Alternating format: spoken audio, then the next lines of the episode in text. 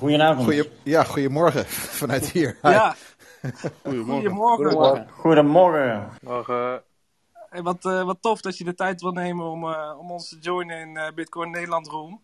Ja, natuurlijk Jos, toch leuk. Dat eh, leuk om erbij te zijn. Dus eh, ja, Ja, superleuk. eh. ik zal even vertellen waar je een beetje in terecht bent gekomen. Wij zijn eh, Bitcoin Nederland en ehm, ja, we hebben elkaar eigenlijk allemaal ontmoet op eh, Clubhouse. En eh, zo zijn we een paar maanden ge- geleden eigenlijk begonnen met, eh, ja, met het praten in rooms over eh, Bitcoin. En ehm, ja, zo zijn we eigenlijk een beetje organisch gaan groeien door dagelijks actief te blijven.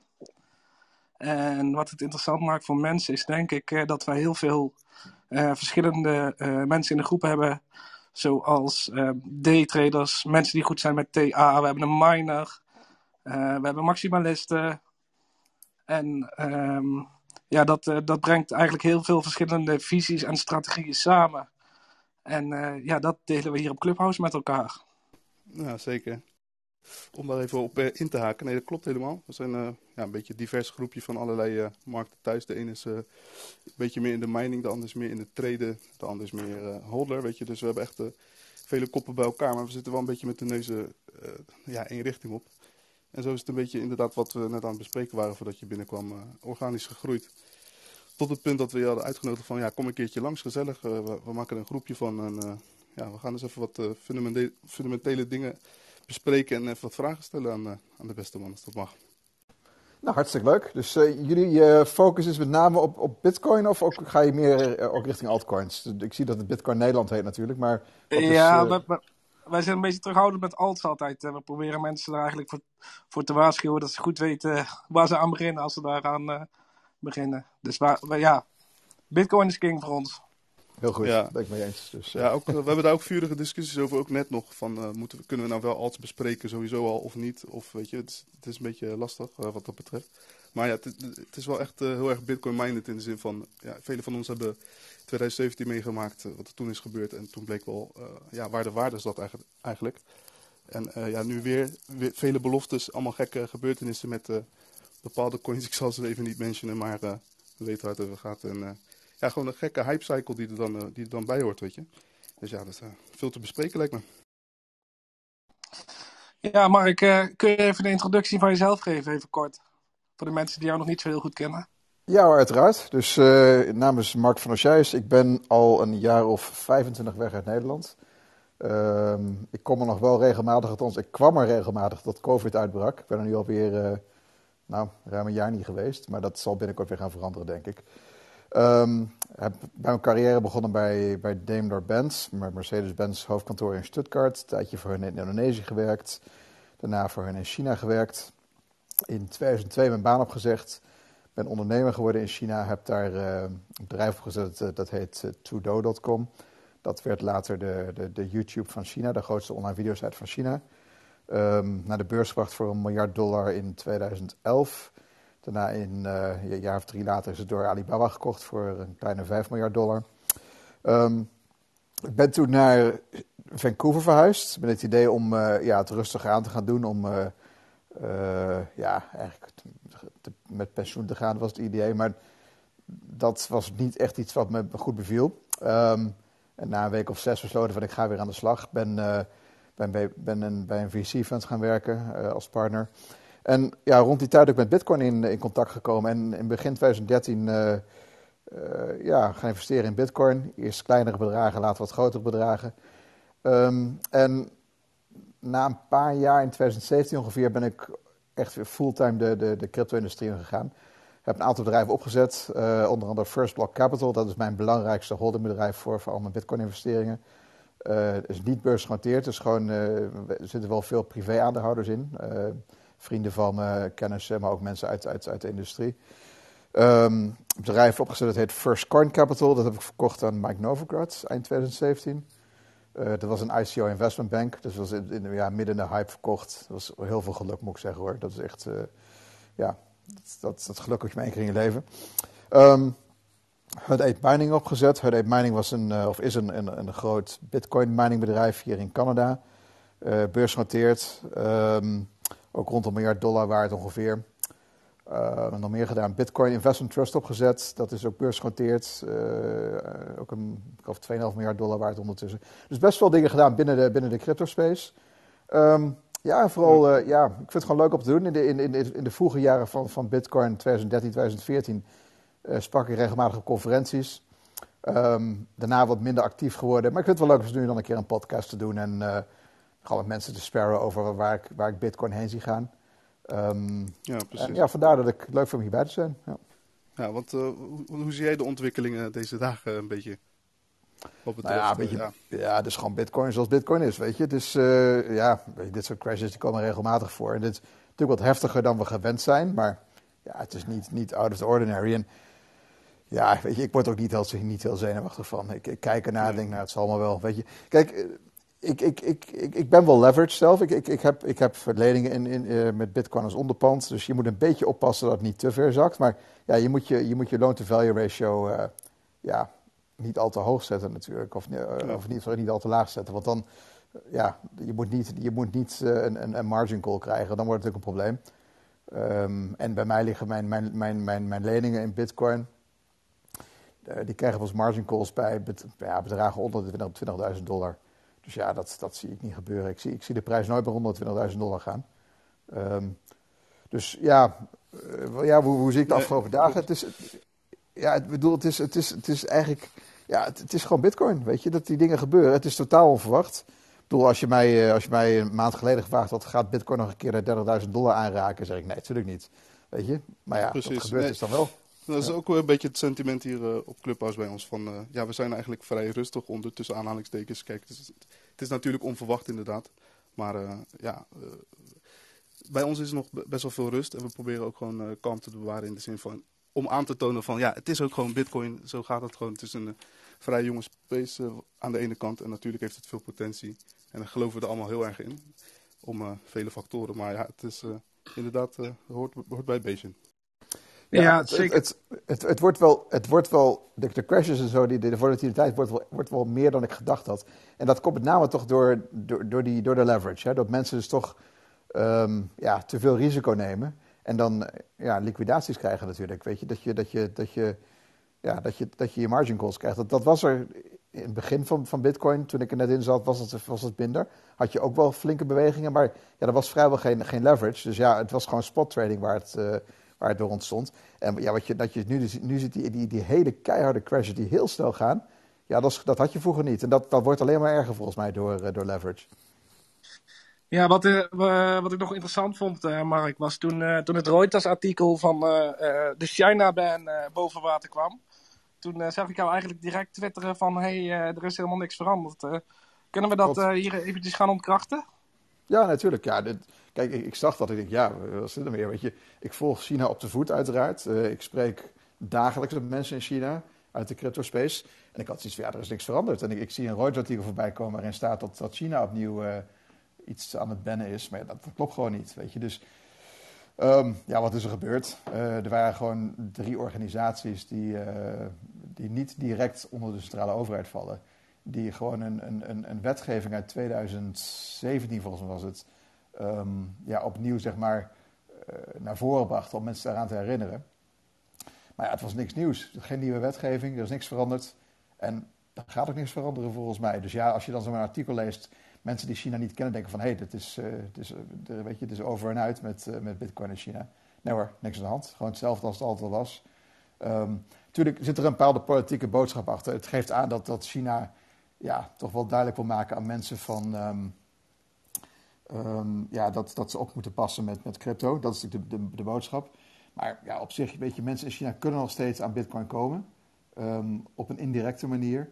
Uh, het is niet verboden om bitcoin te bezitten. En je mag het verkopen. Dus het zijn, het is, het is, het is, het is, je kunt het gebruiken. Alleen het is, het is moeilijker dan het was. En het, uh, ja, maar toch, de Chinezen weten, weten wel wat ze moeten doen. En, en, ze, en, ze, en ze doen het dus ook. Het is eigenlijk gewoon een typische China-fot, zeg maar. Inderdaad, pure China-fut. En het, ja, weet je, dan de, ja, de timing natuurlijk is niet ideaal. Maar het komt ook een klein beetje omdat um, als, je, ja, als je kijkt wat er de afgelopen tijd gebeurd is in China. Veel, veel, Chinezen, um, veel Chinezen zijn aan het traden met, met, ja, met name met shitcoins. En dat werd best wel extreem de afgelopen weken. Je, ik, ik sprak toevallig, nou wanneer was het gisteren, een vriend van me die zei van ja, als je in de lift staat, zegt hij naar, naar zijn bedrijf, naar zijn kantoor, iedereen in China werkt weer vanuit kantoor tegenwoordig. Um, hij zegt van de, van de tien mensen zijn er twee aan het tweede gewoon. En um, van zijn personeel, ook tijdens de lunchpauze, zegt, zegt de helft zit gewoon achter, achter schermen waar ze nou, de gekste coins aan het traden zijn. En dat, dat, was, dat was drie maanden geleden niet het geval. Dus je ziet gewoon echt een hele hype daar met, uh, met, met trading die, die begon. Dus ik denk dat, dat daarom die boodschap ook naar, naar buiten gebracht is van jongens, uh, hou er rekening mee. Het is nog steeds niet uh, iets wat, wat de centrale overheid echt ondersteunt.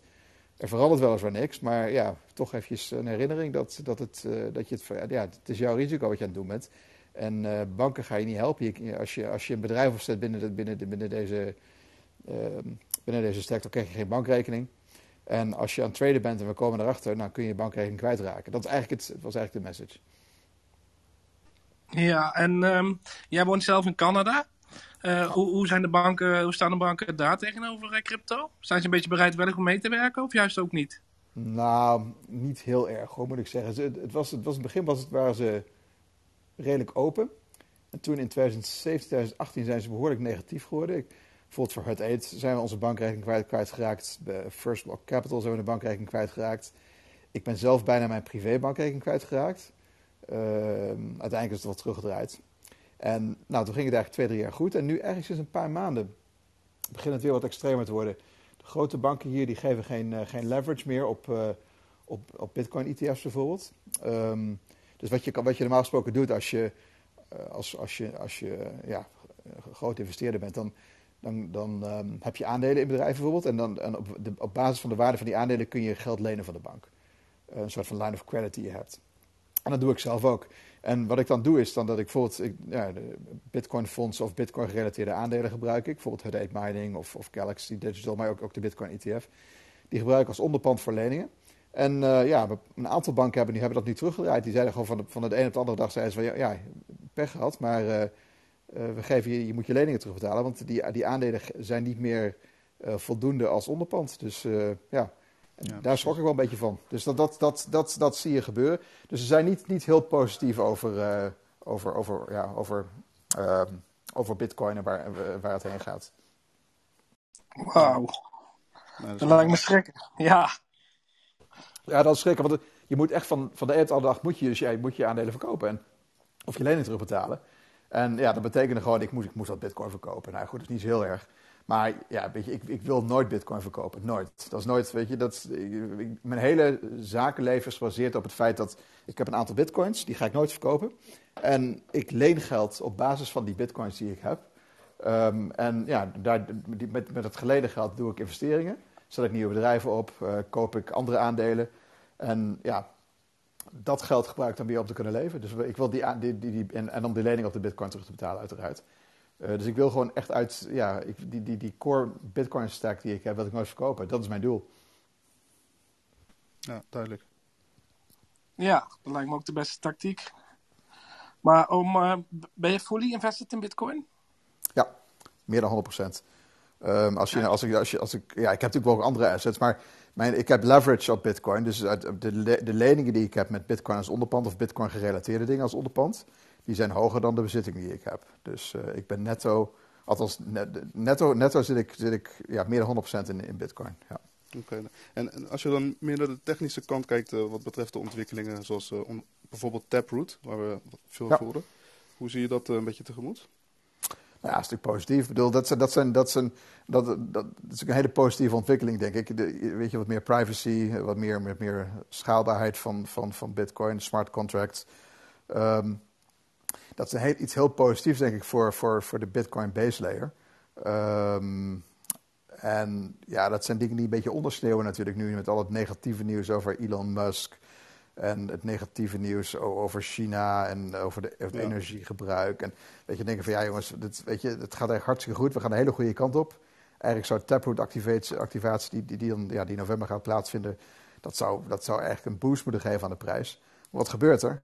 Nee, de prijs gaat hard naar beneden. Omdat ja. mensen korte termijn reageren op, op bepaalde berichten die deels niet kloppen. En omdat ze gewoon niet begrijpen waar, wat, wat er aan het gebeuren is. Ik denk dat, dat van de meeste investeerders van Bitcoin, ik denk nou 99%, die weten niet eens wat Taproot is, weet je. Uh, ja. En dat is niet Het is gewoon een nieuw type FUT, denk ik dan. Hè? Het is gewoon het energy vat. Je, had, uh, je hebt het China vat, nu komt het energy vat. Ja. Ja, en, en, en de mainstream media die, die, die doen er niks aan. Hè? Ik bedoel, die, die, die herhalen het alleen maar. Die, die gaan niet kijken van, klopt het eigenlijk wel? Nee, die zeggen van ja, bitcoin is slecht voor het milieu. Bitcoin is, uh, ja, maar, en, dat, en dat klopt gewoon niet volgens mij. En, nou ja, goed, maar ja, wat doe je eraan? Niks. Het is, uh, uiteindelijk, uiteindelijk, het is gewoon een lange termijn, lange termijn visie die ik heb. Uiteindelijk zullen mensen het begrijpen. Alleen, ja, dat gaat jaren duren. Ja, bij, bij ons in de groep hebben we ook wel iemand die daar uh, wat, wat de mening kan, zeg maar, wat ook een visie op heeft. Jacco, ik weet mhm. niet of je daarop wil inhaken. Nee, ik, ik hoef daar niet per se op in te haken hoor. Ja, we hebben ook uh, Roy en Bas op het podium. Uh, Mark, die, uh, die hebben een, een interessant rapport gemaakt. Dat heb je als goed is al in bezit. Ja. Dus ik, ik, laat het woord heel even aan Roy en Bas en dan kunnen zij dit verder toelichten.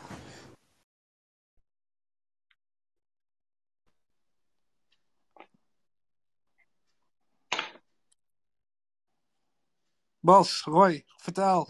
Oh, goedenavond Mark. Dus, uh, Roy. Hey, goedenavond. Ja, we hebben een rapport geschreven. Ik had mijn, eh, mijn speaker had ik uh, nog uitstaan. Uh, want het was nog niet eerder gedaan. Dus omdat, wij zelf, omdat ik zelf heel erg geïnteresseerd ben, ja, natuurlijk in de, in de Bitcoin space al jaren.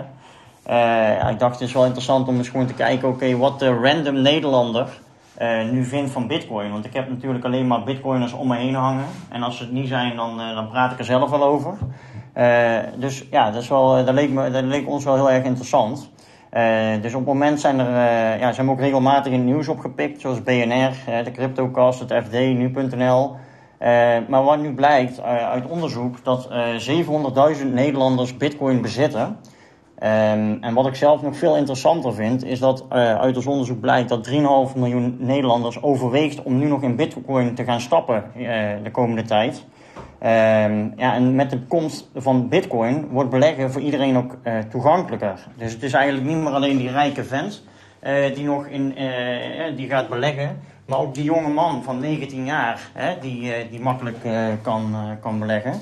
Misschien, Bas, kun jij er nog iets dieper op ingaan op ons rapport? Ja, zeker. Je hebt natuurlijk wel het gras voor mijn voeten weggemaaid, maar ik neem het graag van je over. Weet je, kijk, mooi, het mooie van marktonderzoek is dat je dus antwoord krijgt op vragen die je ja, anders nooit, nooit uh, te weten komt. Enfin, je kan allerlei technische analyses doen die met name natuurlijk op, op de koers uh, gericht zijn. Maar niemand wist tot op heden, weet je, hoe de Nederlander er echt over denkt. Wat komt er in, hem of haar op hè, als het om bitcoin gaat? En hoe bekend zijn ze er eigenlijk mee? Nou goed, bekendheid uh, 91% heeft op zijn minst ooit van bitcoin gehoord. Maar we hebben dus in ieder geval hele mooie dwarsdoorsneden gekregen van Nederland. We hebben namelijk 1041 Nederlanders die vragen voorgelegd. Dus er valt ook uh, keer ingit onder. En uh, een indexcijfer in het leven geroepen. Dat dus die belangrijkste aspect ook echt periodiek in kaart gaat brengen. Waardoor we dus in ieder geval zien hoe dat zich ontwikkelt. Positief, negatief. Weet je, wat is de invloed van de koers? Wat is de invloed van vertrouwen? En wat mij in ieder geval ook wel uh, erg heeft verrast, is dat eigenlijk 62% zijn er vaak kennis als zijnde slecht omschrijft. Dus dat betekent eigenlijk dat er gewoon nog een heel uh, een grote groep aan Nederlanders zeg maar onvoldoende geïnformeerd is. Eigenlijk zoals Mark dat ook al terecht aangaf, weet je, die, die onvoldoende begrijpen. Maar tegelijkertijd is dat ook weer voor vier op de tien Nederlanders ook een, een obstakel. Een, gebrek aan kennis hen een obstakel om te investeren. Dus je zou eigenlijk kunnen zeggen, op het moment dat je dat kennisniveau weet op te krikken, en misschien is, uh, is een community als deze daar een, eh, een mooie, kan een mooie rol in spelen. Op het moment dat je dat weet op te krikken, zeg maar, dan krijg je in ieder geval, neem je dat obstakel enigszins weg. Dan gaat kennisniveau omhoog en dat zal ongetwijfeld ook wel weer invloed hebben op eh, hun overwegingsintentie. Nou, verder, uh, vertrouwen werd uitgedrukt nog met een 4,9. Maar laat ik dan vooropstellen dat er wel een duidelijk verschil is tussen jong en oud. Waarbij oud, mag ik toch dan eventjes zo zeggen, uh, het uh, een onvoldoende geeft. Terwijl jong toch echt wel durft richting die 6 te gaan. Maar goed, we blijven ergens in die 5 hangen. maar positief gezegd, 1 op de 10 geeft zijn of haar vertrouwen in bitcoin een 8, 9 of zelfs een 10. Dus het is niet allemaal natuurlijk uh, uh, de 4,9. Maar goed, dat is het gemiddelde. Uh, verder, we hebben associatie in kaart gebracht. Volatiliteit komt natuurlijk regelmatig voor als zijnde van ja, wat negatief imago kleeft aan bitcoin. Anderzijds positief gezien rendement, winst, crypto, stijging, blockchain. Je, zijn allemaal zaken die veelvuldig genoemd worden. Um, en verder, Ik kan natuurlijk uren doorgaan, maar ik zal het toch kort proberen te houden. Uh, dus er is eigenlijk dus nog een hele grote groep die het komende jaar zegt te gaan overwegen te investeren. We hebben het omgerekend naar 3,5 miljoen Nederlanders. Maar als ik het nog uh, positiever mag, uh, mag schetsen, dan is het eigenlijk maar 49% dus een minderheid, die zegt ik ga het absoluut niet doen. Dat je het niet echt uitsluit. Kortom, minimaal de helft van Nederland staat er open voor. Afijn, lang vooral kort. Dit is de eerste meting. We gaan zeker nog periodiek meerdere metingen doen om te kijken hoe dat zich ontwikkelt. En achter de schermen zijn we nu al druk bezig om een vervolg aan te geven. Om in ieder geval ook nog even specifiek in te zoeken op die groep die nou, minimaal een deel of een bitcoin bezit. Om te kijken waarom heeft u geïnvesteerd? Weet je, wat is voor u de trigger geweest? Welke strategie hanteren ze? Op welk moment zijn ze ingestapt? Wanneer zijn ze uitgestapt? Weet je, dan krijgen we nog meer inzicht dan we nu al hebben. En uh, we hebben inmiddels verschillende aanbieders aan boord om de kosten hiervan te delen. Dus ik hoop echt zo snel mogelijk een voor aan te kunnen geven. Zeker nu ja, de koers toch gedaald is sinds de vorige meting. Ik ben zeer benieuwd wat voor effect dat heeft op het imago ervan. Uh, en, en, en uiteraard gaan we ook zeker een keer de grens over. Want ja, hetgeen wat we nu in Nederland in kaart hebben gebracht, dat kunnen we uiteraard ook in Duitsland, België en alle andere landen in Europa. Om in ieder geval te kijken of daar nog uh, culturele verschillen zijn. Dus, uh... Oké, okay, helder. Ja, Bas, uh, super interessant man. Bedankt voor de toelichting. Top. Dankjewel ja. voor de mogelijkheid. Een heel goed initiatief, denk ik. En dit denk ik heel belangrijk ook om dit te blijven doen in de toekomst, om het regelmatig te doen. Elke drie tot zes maanden minimaal, denk ik. Ja. Um, dan kun je ook zien hoe dingen veranderen. Hè? En dan kun je ook kijken of wat daar, nou, waar heeft het mee te maken? Heeft het te maken met een snel stijgende prijs? Heeft het te maken met, weet ik veel, met, met andere dingen die, die in de markt gebeuren? Um, ik herken veel dingen in het onderzoek met, met dingen zoals ze in Canada zijn. Er zijn in Canada soortgelijke onderzoeken geweest, in Amerika trouwens ook. Um, ik geloof dat hier rond de 5% van de Canadezen uh, direct of indirect bitcoin bezit. Uh, indirect is het door middel van een ETF of door middel van um, bitcoin fonds. En misschien wel meer zelfs tegenwoordig. Want dit, dit, dit, percentage was van een paar maanden geleden toen de eerste bitcoin ETF's nog niet uh, gelanceerd waren. Um, maar ja, ik denk dat ook in Nederland, als, als het makkelijker wordt om, om bitcoin te kopen, um, bijvoorbeeld via een ETF, dat het, uh, dat het omhoog zal gaan. Ik merk nog steeds aan, aan, aan Nederlanders die ik ze nu en dan spreek, dat ze zeggen van ja, ik weet niet hoe ik makkelijk bitcoin kan kopen. Weet je, dan kun je ze wel uitleggen, nou, je moet een wallet opzetten of je moet een account aanmaken daar en daar. Maar het is allemaal net te moeilijk. Men wil gewoon, net als een aandeel via een bank, willen ze, ja, willen ze iets kunnen kopen. En dat, dat kan gewoon nog niet. En dat kan in Canada wel. En dat, dat is natuurlijk een groot verschil. En dat gaat ook in Nederland veranderen. Ja, ik, uh, Mark, ik, ja, goedenavond. Ik wou daar juist eigenlijk uh, vanavond een vraag over stellen. Wat is jouw perspectief over de, de huidige proposals van die ETF's in Amerika? Uh, Fidelity of van Eck, al die ETF's, volgens mij zijn er acht. Heb jij daar een positief perspectief bij voor dit jaar? Of? Ja, nou, ja en nee. Als je me een week, week geleden gevraagd had, had ik gezegd van ja, in september hebben we een ETF. Ik denk na de, na de afgelopen nou ja, drie, vier dagen is het toch wel een beetje veranderd. Ik denk dat, dat, dat de SEC toch wel kijkt naar Bitcoin en dan, ja, dan zien ze een, een crash van nou ja, 30, 40 procent binnen, binnen, binnen een, vrij korte tijd. Dat ze denken van ja, is dat wel een, een, een, een security waar wij een, een ETF voor willen hebben, weet je? Um, en met name ook omdat het komt door ja, eigenlijk twee factoren. Eén, één persoon, Elon Musk in dit geval, die, die negatieve informatie rondbazuint via een paar tweets. En dat heeft een mega invloed op de prijs. En dan een bericht over China dat ja, niet compleet verkeerd is, maar ook niet, ook niet correct is. En dat zijn natuurlijk relatief kleine dingen die, die, die, die zo'n mega invloed, kunnen hebben op de prijs. Dat wil de SEC niet. Want je kunt de markt manipuleren op die manier. En Elon Musk, ja, als, ik vergeet niet of hij het gedaan heeft, maar die zou heel goed Bitcoin hebben kunnen shorten. Uh, en die zou daar echt heel veel geld mee hebben kunnen verdienen als hij als dat gedaan had. Um, en ja, de SEC wil, wil natuurlijk een, een, een kapitaalmarkt hebben die, ja, waarin, voor iedereen, waar, waarin iedereen officieel gelijk is, wat natuurlijk nooit kan.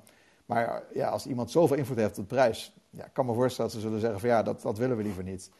Um, en dat, ja, dat effect van Elon was groter dan ik, dan ik zelf verwacht had. En ik denk dat daarom de kans op een ETF iets kleiner geworden is.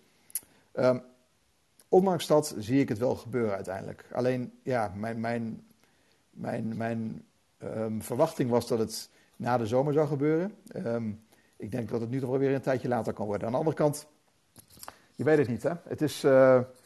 Er zijn al zoveel applications gedaan en het, ja, eigenlijk alle problemen die er waren zijn opgelost voor, voor, de, voor de ETF. Ehm, en met name wat je ook ziet nu, Canada heeft nu ETF's. Dus ja, als Amerika het niet doet, in principe kunnen, kunnen Amerikanen ook in Canada ETF's kopen. Ehm, het is wat lastiger. Ehm, het is lastiger om een leverage op te krijgen voor, voor hedge funds. Dus daarom doen ze het niet zo snel. Maar ja, het feit dat Canada het heeft, denk ik dat de US het ook moet gaan doen. En dat zie je ook een beetje met, uh, dat zag je in, in rond 2000, wanneer was dat? 2003, 2004 of zo, toen de eerste goud-ETF's uitkwamen. Um, toen was de SEC ook, ook negatief een beetje over goud-ETF's. Toen deed Canada het wel. Nou ja, en daarna, binnen een aantal maanden, heeft, heeft ook de SEC toen de, de goud-ETF's in Amerika toegestaan. Dus wat dat betreft, ja, het zou wel kunnen dat het, dat het, toch, wel, uh, ja, dat het toch wel komt eh, op niet al te lange termijn. Ja, let's hope so. Want, want jij denkt dus wel dat gewoon alle acht uh, gedenied kunnen worden? Ja, dat kan zeer zeker. Ik bedoel, ja, ze hebben zoveel macht en ze hoeven niet echt precies uit te leggen hè, waarom, waarom, waarom ze het nou... Ja, ze, ze leggen het wel uit, maar het, of, het, of het echte redenen zijn, weet je natuurlijk nooit. En, en, en, en vaak, wat ze ook doen, is ze, geven een bepaalde pressure aan, aan, de, aan, de, aan de issuer. Om te zeggen van, luister eens, trek je applicatie in. Als je het niet doet, nou ja, dat, we kunnen je niet dwingen, maar als je het niet doet, ja, dat kan het vervelende gevolgen voor je hebben. En het zijn altijd grote bedrijven die ook heel veel andere, andere ETF's hebben. Dus ja, als ze je vragen om het terug te trekken, ja, dan doe je het waarschijnlijk wel. Dat, dat speelt ook een rol erbij. En, en zie je dat dan ook gelijk uh, als een effect voor deze, voor deze bull market, zeg maar, als dat uh, gedenied wordt? Of? Nee, niet echt hoor. Ja, het is al zo vaak gedenied. Weet je, het is. Uh, ik, ik, heb, ik weet niet hoe, ik, ik, kan, ik kan niet eens bij hoeveel, hoeveel, hoe vaak de, de applications voor, voor ETF's gedenied zijn. Ik bedoel, ik geloof sinds 2014, toen de eerste Winklevoss ETF gedenied werd. Dat is ondertussen zes, zeven jaar geleden. Dus de markt, de markt verwacht altijd wel dat er, eentje, dat er eentje komt, maar als het niet gebeurt, nou ja, weet je, dan hebben ze iets, dat komt wel een andere keer.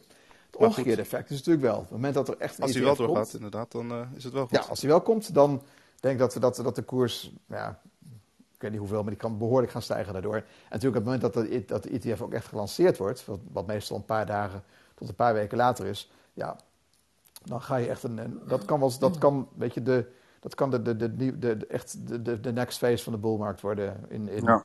ja het vierde kwartaal dit jaar wellicht. Dus, uh, Oké, okay, bedankt. Ja, jongens, als ik heel even, heel even de room mag resetten. Voor iedereen in de audience. We hebben vanavond uh, bij Bitcoin Nederland Mark van de Chais gast. Um, als je op het huisje klikt, dan uh, kun je uh, joinen en blijf je op de hoogte van toekomstige rooms. we hebben ook een Twitter-account en dat is Bitcoin NL LND. Dus zonder A. En volg even de mensen op het podium. klein crypto, ga je gang. Thanks man. Hey Mark, goedenavond. Ik had nog even een vraag met betrekking tot ETF en je eigen omgeving in Canada.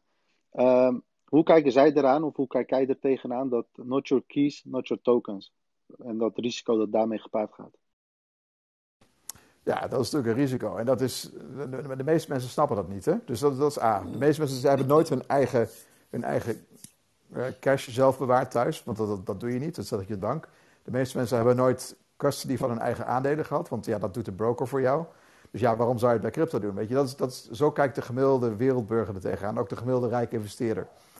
Ik denk wel als crypto mensen zijn de eerste die begrijpen van ja, het, het zou wel slim kunnen zijn om, om, om, om, nou ja, om als, het, als het hele systeem uit elkaar valt, om dan toch je eigen kies te hebben. Want je hebt gewoon, je hebt gewoon uh, third-party risk. Je hebt, uh, je hebt het risico dat, dat iemand anders omvalt. Of dat, dat, dat, dat wetgeving verandert, dat je gewoon niet bij je, bij je tokens kan komen. Um, dat, dat gezegd hebbende, Um, ik denk voor adoptie van crypto dat ja, mensen niet zelf hun tokens vastgehouden. Nog niet. Wellicht wel over, over een aantal jaren. Maar ik denk de eerste, de eerste kennismaking, de eerste investeringen van, van, van mensen in, in, in bitcoin uh, of andere tokens, uh, dat gaat via financiële producten. Um, omdat ze het gewend zijn die manier te doen. En niet heel onbelangrijk, en ook voor mezelf die moet ik zeggen, is dat je leverage kan krijgen op, op tokens als je, als je, niet, je, niet, je, eigen, je niet je eigen kies hebt. Um, ik heb, in het begin heb ik al mijn, mijn coins altijd op, op ledgers gehad. En uh, eigenlijk pas sinds nou, anderhalf jaar of zo, twee jaar, ben ik begonnen met leverage. En dan zeg ik gewoon van ja, er zijn zoveel manieren om, om geld te kunnen lenen met bitcoin als onderpand.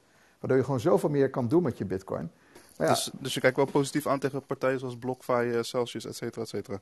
Ja, absoluut. Ja, dat is gewoon onderdeel van het systeem. Dus uh, ja. ja. Maar ik kan me herinneren, Mark, dat je op Twitter best wel leidend was over de hack die bij Ledger eh, 2 ge- was gebracht. Ja. Was dat het keerpunt voor jou dat je over deze mogelijkheden nadacht, of was het al langer gaande? Nee hoor, ik had, ik had toen al langere accounts bij Anchorage en bij Silvergate en bij andere, andere bedrijven.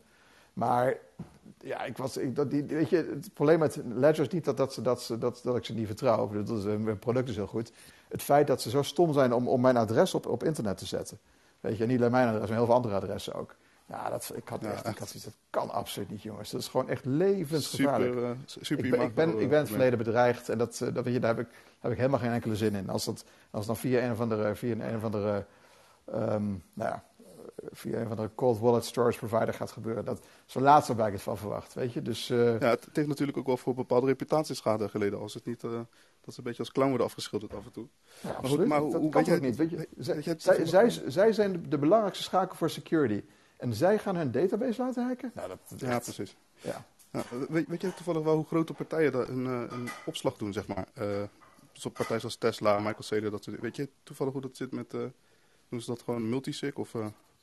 Ik, ik, weet, ik weet het niet. Ehm althans niet van, van die grote partijen. Wel, ik weet wel van andere partijen. Dat de meeste andere partijen gebruiken toch eh, services zoals, zoals Anchorage bijvoorbeeld. ehm, waar, ze, waar ze cold storage hebben met multisig wallets.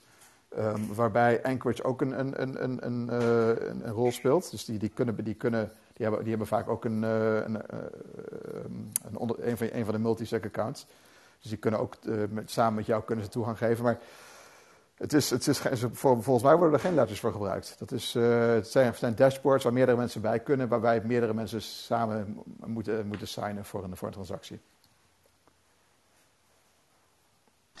Hey, hey. Oh, sorry, Kaan, ga maar.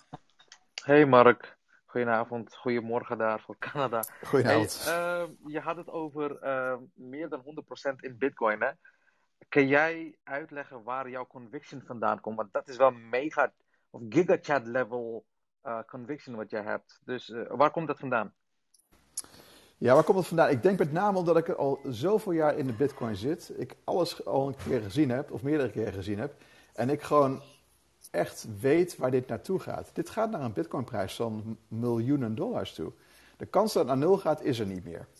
De kans dat het onder de 20.000 dollar gaat, is er vrijwel niet meer. Er is theoretische kans dat het ooit een keer kan gebeuren, net zoals die 30.000 dollar even aantikte gisteren. Maar 20.000, dat is echt, dat is, ja, daar moet wel iets heel, heel, heel extreems gebeuren. Ik zie het niet gebeuren, als ik eerlijk ben. En maar ik weet, maar dus, is eigenlijk, de, de, de, dus de upside is, is vrijwel ongelimiteerd. En de downside is vrijwel, is er vrijwel niet. Als je kijkt met de huidige prijs van zeg maar, rond de 40.000 dollar. Ja, het, eh, er is een, een theoretische kans dat, nog een keer, dat het nog een keer naar 5, 5% naar beneden gaat naar 20.000 dollar. Theoretische kans van, van echt eh, extreem klein. Nee, maar Ehm, ook, ook gewoon de hele mentaliteit van mensen, die hele hodl mentality en eh, hoe er naar gekeken wordt, dat verandert natuurlijk met de tijd.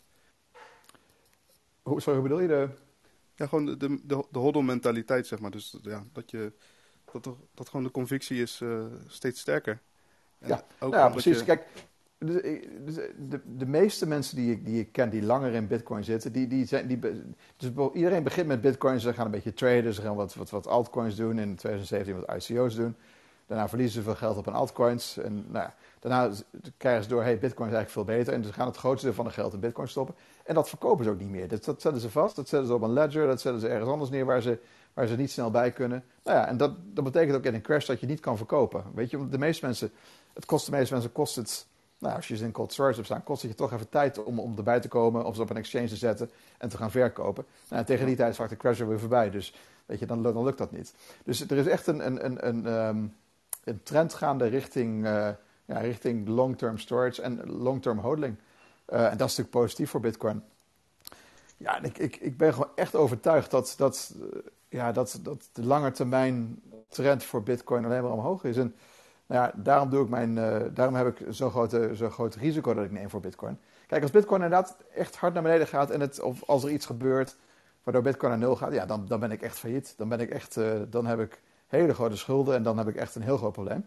Maar Dan doen we dat samen, Mark, geen probleem. Heel goed. Nou, ik denk vele samen. Dus, ja, nou, precies. Maar ja, dat, maar goed, dat is, weet je, dat is gewoon de convictie die ik heb. En, maar ja, goed, dan, weet je, dan begin ik weer een nieuw bedrijf of dan ga ik werken, weet je, ga ik, ga ik een baan zoeken of zo. Daar maak ik me echt nul zorgen over. Dat is echt, eh, dat gebeurt gewoon niet. Dat weet ik gewoon. Dat is, eh, En dat is gewoon puur de ervaring en, en, en het, ja, de vele uren, de duizenden uren die ik eraan besteed heb om, om erin te lezen, om met mensen te praten. Ehm, ja, dat, dat geeft me die convictie. Juist, Hey Mark, juist. je... Oh, sorry, Kaan. Mark, je hebt een, eh, een eh, miningbedrijf, Hut Eet, hè? Ehm, Ja. Je zegt dat je altijd, eh, altijd eigenlijk eh, v- 50% winst draait, als ik goed begrepen heb. Ehm, maak je je zorgen om de halvings? Dus over, in 2024 is er volgens mij weer een halving. Hoe zorg je dan dat je dan alsnog winstgevend draait?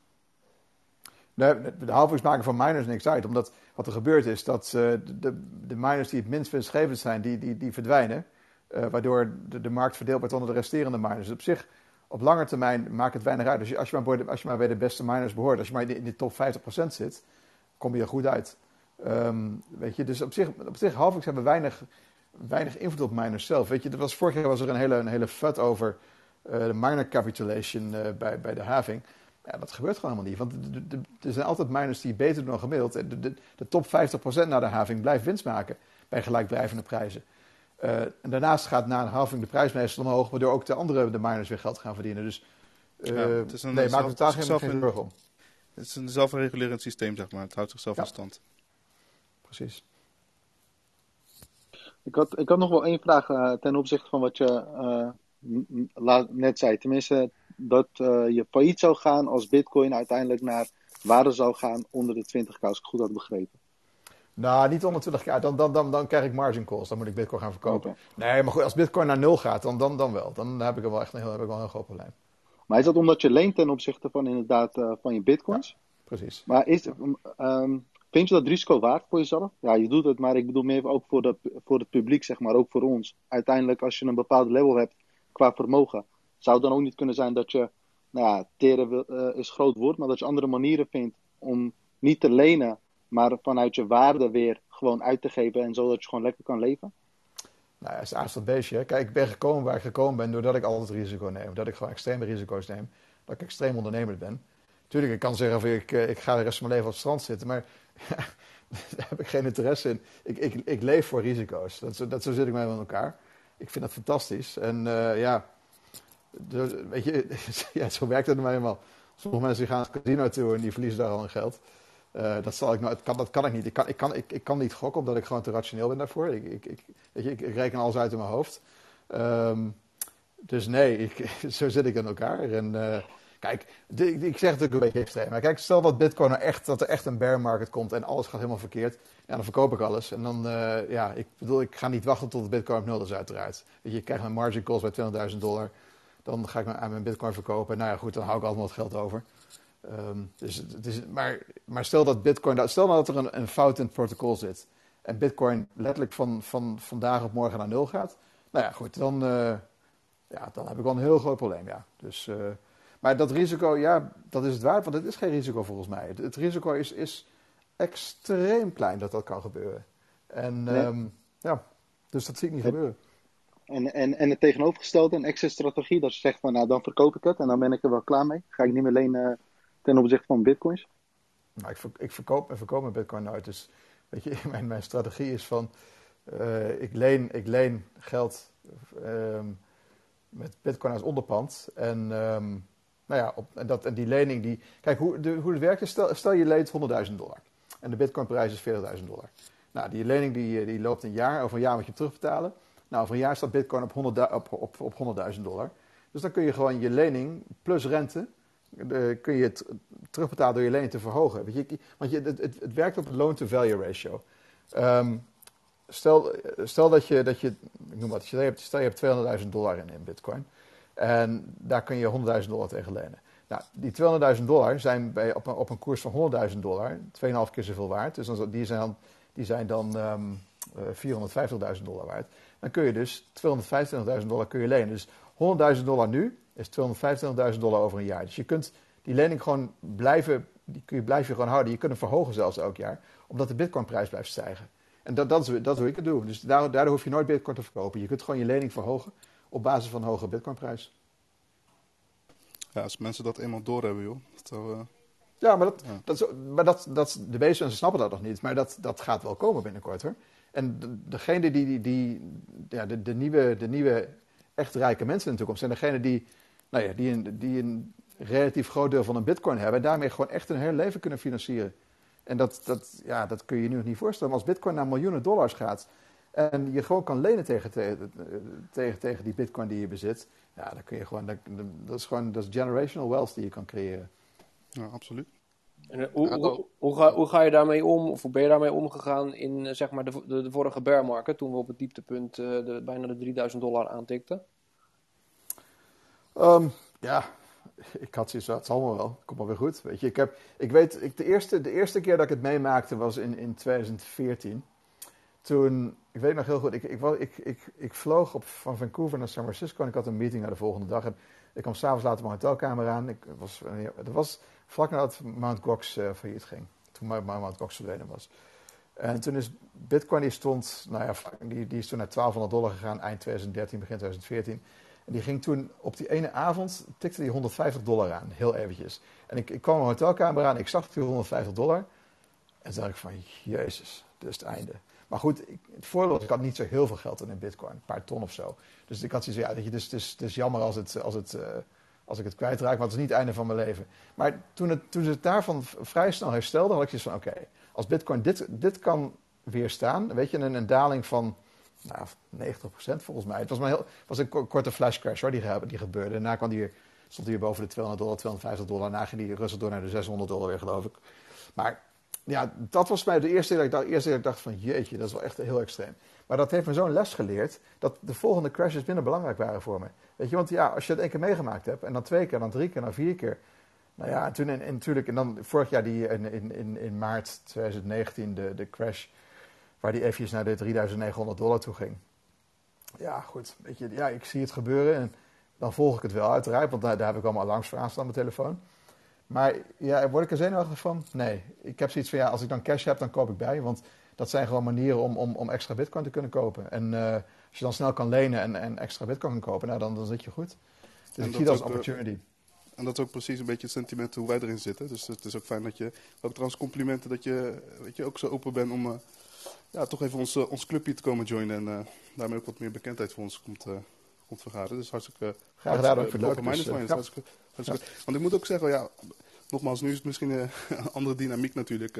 maar normaal gesproken ehm, komen we echt tot hele diepe punten. En eh, ja, wordt ook technisch heel veel, komt er langs. En ja, ook natuurlijk veel nieuwe mensen die we dan... bijscholen. Dus zo wordt de community ja, organisch ook al wat mooier en wat groter, denk ik. En ik, kan me nog wel, ik kan me nog wel herinneren in 2013, toen, ehm, toen, toen, toen, toen hij zo hard eh, steeg, Mark. Toen waren er gewoon nergens geen bitcoins meer te verkrijgen. Dus ik was echt alle websites aan het afstruinen. Ik kon gewoon nergens geen bitcoins meer kopen, Mark. En toen had ik jou nog een berichtje gestuurd. Ik weet niet of jij mij nog kent van toen de tijd. Maar dat was echt extreem lastig. Om, dus ik heb ook zoiets, kijk, ik ik ben blij dat ik ze heb. Ik probeer continu bij te kopen.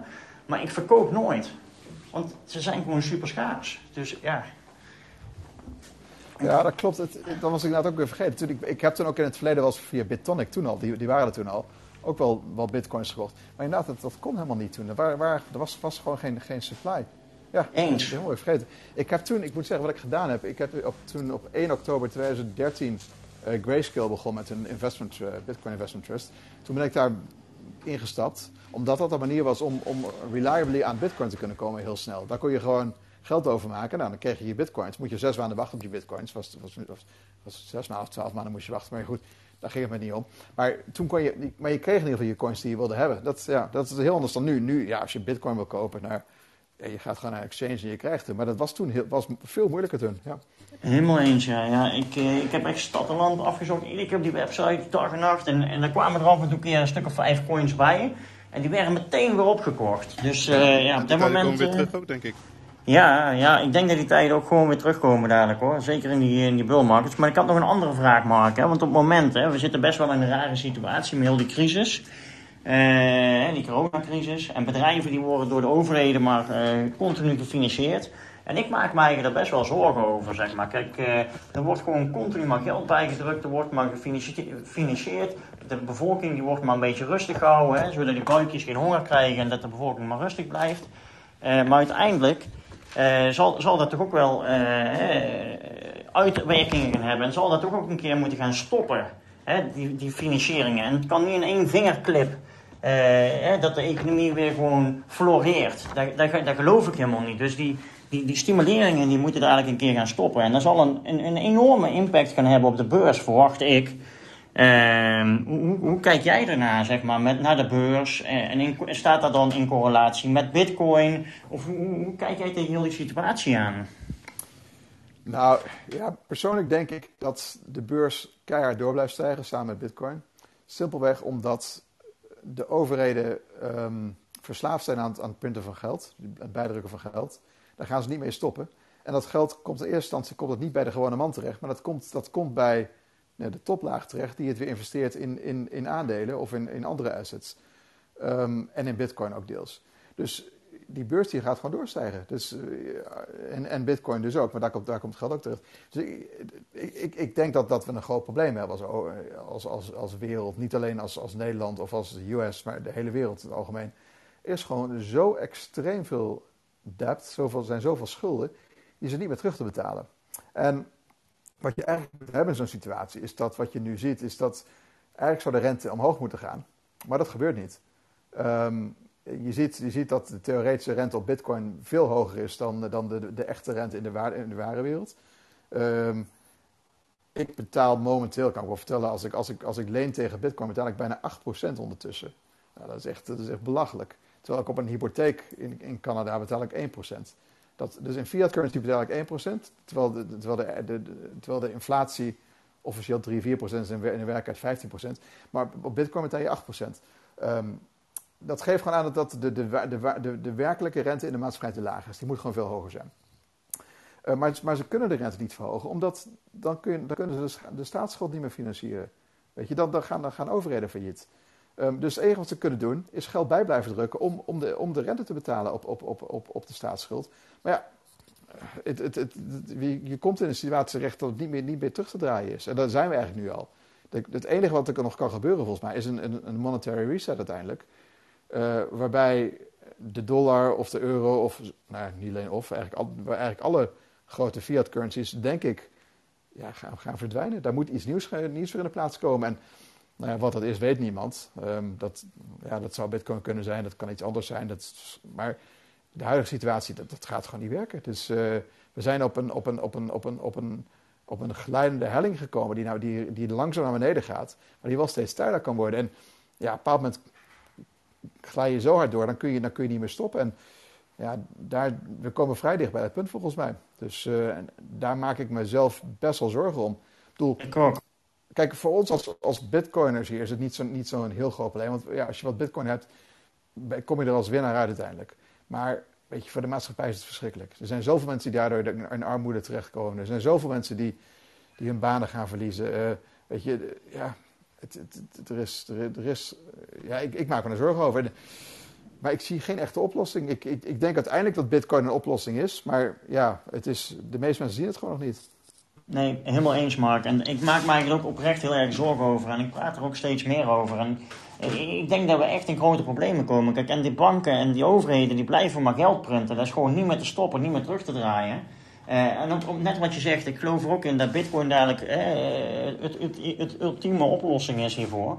Maar denk je dan niet in zo'n situatie, Mark, hè, uh, dat overheden en banken zijn eigen gruwelijk gaan verzetten tegen ons of tegen de Bitcoin community? Nou ja, dat zie je natuurlijk nu al een beetje. Hè? Ik bedoel, de ene kant zien ze dat ze ons nodig hebben, want ja, wij zijn wel degene die, die, die relatief gezien veel verdienen momenteel. Uh, ze willen ons als klant hebben. Aan de andere kant zien ze het als een gevaar. En de, de, als je naar Nederland kijkt, de meeste banken die verzetten zich nog echt tegen bitcoin. Die hebben zoiets van dat is gevaarlijk, uh, dat willen we niet. Maar wat je nu in Amerika ziet, is dat banken, de eerste banken beginnen te komen die, die het aan het omarmen zijn. Um, als je naar Silvergate Bank kijkt bijvoorbeeld. Silvergate is interessant. Het was een, was een kleine bank uit San Diego. En, en, en ja, die hadden gewoon een paar lokale branches. Echt, echt, echt, echt, echt super lokale bank. Die hebben nou, ik weet niet meer wanneer, ik denk 2016 ongeveer, zijn naar Bitcoin gaan kijken. En ja, dat is nu een van de, een van de snelst groeiende banken in Amerika geworden. Omdat ze gewoon alle bitcoiners naar zich toe trekken. Uh, bitcoin accounts openen, je kan lenen met bitcoin, je kan, ja, je, je kunt traden. Het is, het is gewoon een, een, een, echt lokale bank waar, waar alleen zeg maar, de oude vandaag zeg maar, hun geld stalde in, in cash accounts. Is het, is het gewoon ja, een globale bank aan het worden voor, voor crypto. Dus zij omarmen het en daardoor groeien ze hard. Um, en ik denk uiteindelijk dat andere banken dat ook moeten gaan inzien en het ook gaan doen. Ik bedoel, crypto is niet meer tegen te houden. En ik denk dat, dat, de, dat banken in Amerika dat, dat nu zien. Ik denk in Nederland dat ze, iets, dat ze het nog niet zien. Dat ze denken van, nou weet je, fiat currency gaat het winnen. Uiteindelijk de euro wint het. En ze snappen bitcoin nog niet volledig. Dus ze denken van, nou dat is een, dat is een fad, dat is een hype. Dat, dat gaat weer voorbij. Maar ze gaan over een, ja, ik denk dat ze, dat ze binnen nu en nou, twee, drie jaar of zo laat volgens mij in gaan zien dat, dat ze bitcoin moeten omarmen. En dat ze ook bitcoin-accounts moeten gaan openen in, uh, voor, voor hun klanten. Anders is het afgelopen voor ze. Want laten we wel wezen, je hebt als bitcoiner geen bank nodig. Je bent je eigen bank. Um, een bank kan het makkelijker maken voor veel mensen. Maar ja, als je er vroeg bij was hier, ja, dan weet je dat je, dat je, dat je het helemaal niet nodig hebt, een bankaccount. Ja, ik, ik, ik wou daar nog iets op doorvragen, Mark. Want um, ja, welke positie zie jij BTC dan uh, tegenover die opkomende CBDC's die landen nu gaan uitgeven? Uh, op de long term, zeg maar. Zie je dat echt ja. als een schaduwmarkt? Of? Nou, kijk, CBDC's zijn wat mij betreft gewoon een, een, een, een, een digitale vorm van fiat currency. Dus ook weet je, iets wat uiteindelijk niet gaat ja. winnen. Um, het, is, het, is, geen crypto. Het is gewoon, ja, het is een. Weet je, vroeger, vroeger, vroeger je, je, eerst had je banknotes, dus bankbiljetten. Die, die al een soort ja, waarbij je dan goud kon krijgen als je ze inwisselde. Nou, later werd, kon je het niet meer inwisselen tegen goud. En nu wordt het digitaal. Dan heb je een digitale token die zeg maar dat, dat, die waarde vertegenwoordigt. Maar ja, die waarde wordt steeds minder. De euro verliest elk jaar 10, 15 procent aan waarde. Zonder dat mensen het doorhebben. Weet je, de huizenprijzen gaan omhoog en dan zeggen ze ja, de huizen worden duurder. Nee, de euro wordt minder waard. Weet je, dus ja, dat CBDC lost dat niet op. Het, is, het maakt het makkelijker om, om je geld uit te geven. Want je, je hoeft niet naar een ATM te gaan, om naar een pinautomaat te gaan om, om, om geld te pinnen. En, maar uiteindelijk, ja, het, het, het, lost, het lost voor de, voor de centrale banken, voor de overheid, lost het natuurlijk weinig op. Het, het, het, blijft, het blijft een fiat currency die minder waard wordt. En ja, ik denk dat mensen uiteindelijk juist doordat ze een, een, een CBDC wallet zullen krijgen, dat ze in gaan zien van hé, hey, daar kun je ook bitcoin in stoppen. En bitcoin gaat wel omhoog. Dus wellicht is bitcoin dan een betere store value. En dan, nou, dan geef je het uit wellicht in, in, in digitale euro's. Um, maar je houdt het vast in, in, in, in, in bitcoin tot je het uit wil geven. Uh, Mark, ik had nog even een vraagje over dat, uh, dat lenen. Um, want er zijn verschillende platformen waar je dat kan doen. Maar dan moet je dus je bitcoin naartoe sturen. Dus dan is het not your keys, not your coins. Uh, is, of zijn er ook andere, heb je daar andere suggesties voor? Ja, er zijn andere dingen voor. Kijk, maar dat, ja, dat, als, je, als, je, als, je, als het om grote hoeveelheden bitcoin gaat, zijn er andere manieren voor. Dan heb je multi-sig accounts. Um, als je, bijvoorbeeld bij Anchorage is dat zo. Um, je hebt multisig accounts waarbij je zelf ook de keys hebt, maar waarbij Anchorage ook keys heeft.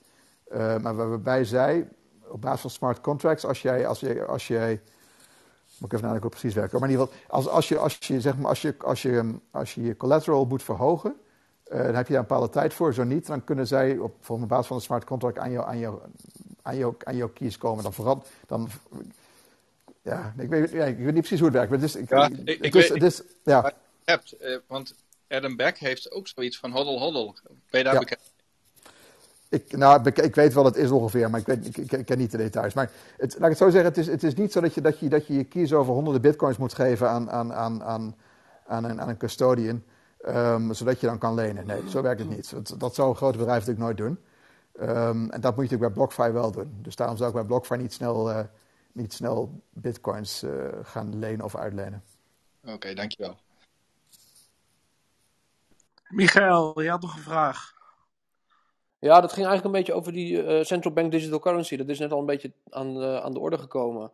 Uh, want je ziet toch wel dat, dat eh, ja, wereldwijd centrale banken en overheden be- bezig zijn met onderzoeken en, en experimenten op dat gebied. En ja, China is daar eigenlijk het, het vers mee, die eigenlijk al echt een, eh, een pilot in een, eh, in, in een bepaalde provincie hebben. Daar weet, weet je waarschijnlijk ook eh, meer van, eh, van dan wij. Ik Mhm. ben wel benieuwd eh, of, of je daar zeg de manier waarop China daarmee omgaat, of je daar toch een, een template in ziet hoe, eh, andere eh, regio's, hè, de EU, de, de Verenigde Staten, daar in de toekomst eh, mee om kunnen gaan. Ja, uiteraard. Kijk, China is, is heel ver mee. Ehm, grappig genoeg, ik heb een jaar of drie geleden een keer een, een, speech gegeven voor de Centrale Bank van China over central digital currencies. En ehm, toen, ging ik, toen had ik heb ik hem verteld, je, je moet het op bitcoin baseren. Ik denk van, nou, dat weet je, is misschien interessant voor hun. Maar aan de, aan de vragen eh, van hun na afloop van mijn speech merkte ik dat zij zoveel verder waren dan ik dacht dat zij waren. En dat ze ook al veel verder waren dat ze, gewoon, dat ze ook wel begrepen dat, dat als ze bitcoin zouden gebruiken, dat ze zichzelf aan de voet zouden, schieten. Ehm, zij waren toen al zo extreem ver met, met, met, met, met hun digital wallet en digital currencies. Uh, dat ik doorkreeg van ja, dat, zij, gaan, zij gaan deze wedstrijd winnen. Zij, zij weten waar ze heen willen. En die speech was meer van een soort van formaliteit. Ze wilden gewoon kijken hoe ik het zag. En um, ja, meer een bevestiging krijgen van dat ze goed bezig waren. En goed, zij waren dus toen drie, vier jaar geleden al bij bezig. De, de overheden in de EU en in Amerika beginnen nu pas een klein beetje te kijken naar of, hoe ze het willen doen. Nou, voordat het dus gaat gebeuren in de EU, ben je nog drie, vier jaar verder. Tegen die tijd heeft China het uitgerold. Niet alleen binnen, niet alleen binnen China, maar ik denk wereldwijd. Ik denk dat, dat China, dat ze zo snel zijn, dat zij een, een, een iets gaan creëren dat mensen wereldwijd willen gaan gebruiken. En daar komen gewoon incentives voor, denk ik. Um, hoe, hoe die eruit ziet, weet ik niet. Ik, ik weet dat het, nee goed, dat is in China hoe ze het werken, hoe ze het doen. Is het, dus, iedereen die een wallet downloadt, die speelt mee in een loterij. Daar kun je dan, weet ik wat, 50 dollar mee verdienen of zo. Ik weet niet wat het was. En, maar, ja, dus je, je krijgt gewoon wat geld in je wallet automatisch, die kun je dan gebruiken. Maar je moet het wel binnen, nou in China was het wel binnen 20 dagen moet je het gebruiken, binnen drie weken. Um, als je het niet binnen drie weken zou gebruiken, dan, dan, dan verdween je geld weer. Ik denk dat soort dingen ook gaan gebeuren in, in, in de rest van de wereld. Um, wacht even, er komen mensen binnenlopen hier. Um, dus ja, dat, dat template om, om, om zeg maar, ja, om, om, om, om een wallet op te zetten um, waarin je geld gebruikt moet worden, dat gaat ook, gebruik, dat gaat ook gebruikt worden in, in de rest van de wereld. Het geeft namelijk centrale banken de macht over jouw geld. Zij kunnen jou dwingen om in tijden waarin, waar, waarin er meer uitgegeven worden, dat geld uit te geven. En ze kunnen je zelfs dwingen om het alleen uit te geven van dingen waaraan ze zeggen van dat, waarvan ze zeg maar, toestaan dat je, dat je daaraan uit mag geven. Als ze zeggen van je mag geen, geen drugs kopen, nou, dan kun je dus met, met jouw CBDC geen, geen drugs kopen. Als ze zeggen van je mag er geen huis van kopen of je mag er geen bitcoin van kopen, dan kun je dat niet doen. En ja, ik vind het verschrikkelijk, maar daar gaat het wel naartoe, denk ik. Dat, dat begint in China en dat gaat de rest van de wereld ook zo worden. Ja. Maar er komen incentives waardoor mensen het zullen gaan doen. Omdat ze een deel van het geld gratis krijgen. En ze denken, nou ja, oké, weet je, ik krijg gratis geld dan maken die zoveel uit. Mensen denken vaak niet na over de, over de lange termijn consequenties. Ja, maar, maar, maar ik neem aan dat voor jou dat, uh, dat nieuws natuurlijk, en als dat uh, eigenlijk ook de toekomst gaat worden, dat het juist uh, een soeverein decentraal netwerk in de hand speelt. Voor heel veel mensen. Ik hoop het wel. kijk, het voordeel is als je één keer gewend bent aan een, aan een, aan een, aan een wallet, um, ja, dan wordt het ook makkelijker om daar bitcoin in te zetten, of Ethereum, of wat je ook wil gaan gebruiken. Um, dus ik denk dat het, dat het uiteindelijk op lange termijn een positief effect heeft over, op, op, op Bitcoin. Mensen gaan gewoon inzien van, ja, het heet, een wallet is eigenlijk niet zo moeilijk om te gebruiken. Dus weet je, je moet eh, zeker, zeker met, met, met, met, als het makkelijker wordt om, weet je, mensen zijn bang om, om hun 24 woorden te, te kunnen te herinneren of ze zijn bang, uh, ze snappen private keys niet. En dat, dat wordt allemaal makkelijker de komende tijd. Uh, dus, en ja, ik denk met een, met een CBDC wallet, als daar, als er ook Bitcoin in kunnen komen of of een Bitcoin wallet waarin, waarin CBDC geïntegreerd kan worden, ja, dan, dan, dan, dan is het positief voor Bitcoin. Ja. Ja, interessant. Interessant. Uh, ondertussen heel even uh, de room resetten. We hebben vandaag bij Bitcoin Nederland uh, Mark van der Tjijs te gast. Um, als je op het huisje klikt, dan kun je onze club joinen. We hebben een Telegram groep en een Twitter account die je kan volgen. Um, volg ook even de mensen op het podium. Um, ik ga nu even de, uh, de handjes openzetten. Dus mocht je een vraag hebben, steek je handje op. Um, ik heb nou uh, Robert op het podium gehaald. Uh, Robert, kun je jezelf heel even introduceren en, en je vraag stellen aan Mark? Jazeker, goedenavond. Hartstikke leuk Mark, wat je allemaal zegt over het Bitcoin als onderpand. Ben Robert Reiner Nederhoed van Bitcoin Money. Ik ben ook sinds jaar of negen nu actief. En ik had een gerichte vraag. Je hebt zelf beursgenoteerde bedrijven. Um, open source heeft sinds de jaren 90 eigenlijk het businessmodel van softwarebedrijven best op de kop gezet. Nu komt Bitcoin met straks smart contracts. Die gaan natuurlijk het mogelijk maken om bijvoorbeeld zelf uh, funding te verwerven en aandelen uit te geven, wat we natuurlijk al zien met Ethereum en zo. Hoe denk je dat dat het landschap gaat veranderen voor het aandeelhouderschap en ook voor de AEX bijvoorbeeld in de toekomst? Ja, dat is een hele goede vraag. ik, ehm, ik denk dat. Ik hoor mezelf twee keer. Nu niet meer. Oké. Ehm, ik hoor mezelf steeds twee keer. Even kijken hoor. Ik heb het uitgezet. Ja? Eh, ja, nu, nu is het goed. Oké. Ehm, ik, ik denk dat aandelenbeurzen zoals we die nu kennen, gaan verdwijnen door, door tokenization, door securitization. Ehm, weet je, het, hele concept zoals we het nu hebben, dat je alleen kan traden tussen, tussen 9 en 4, um, omdat dan, dan de beurzen open zijn, ja, dat is natuurlijk old-fashioned. Je moet gewoon zeven dagen de week kunnen traden. Je moet kunnen traden op, op, een, op een klein deel van een aandeel. Uh, weet je, dus als je, als je 0,1 aandeel in een, in een, in een, uh, wil kopen in Apple, dan moet dat gewoon kunnen. En dat kan op de huidige beurzen niet. Dus ik, ik denk gewoon dat, dat, ja, dat het via smart contracts heel. Het kan, het kan al deels nu via andere services die het aanbieden. Maar ik denk dat het gewoon een, een, simpele blockchain-transactie gaat worden in de toekomst. Uh, waarbij je gewoon alles kan, kan kopen en verkopen. En je koopt, je koopt, weet ik wat, je koopt een, Apple-aandelen die verkoop je voor, voor, weet ik wat, voor, voor Facebook-aandelen. En dat, dat gaat gewoon automatisch. Het gaat niet via, via de US dollar. Dus gewoon, dat wordt gewoon een settlement gedaan op, op de blockchain. Dus het hele concept van, van, van, van aandelenbeurzen gaat verdwijnen. Dat is gewoon archaïs. Alleen, je moet er rekening mee houden dat de gemiddelde investeerder, ja, die, die snapt dat gewoon nog niet. En dat gaat, dat gaat heel lang duren. Ik, ik werk veel met de gemiddelde investeerder, in de zin van, de gemiddelde investeerders zijn investment bankers voor mij, maar dat zijn allemaal mensen die, ja, die opgegroeid zijn op Wall Street en die, ja, die, die weliswaar Bitcoin zien en dat wel een beetje begrijpen, maar die gewoon niet inzien dat, dat hun baan daardoor gaat verdwijnen. En, ja, dus dat, dat gaat heel lang duren. Maar het, het, het begint bij mensen zoals wij, denk ik, die dit gaan ontwikkelen en die zelf gaan traden met deze dingen. En dan, ja, dan rolt het zich langzaam uit naar de rest van, uh, van de wereld. Um, dus ja, lange termijn, de AEX, uh, die bestaat, uh, die bestaat over, over 20 jaar niet meer, denk ik. Niet in de huidige vorm.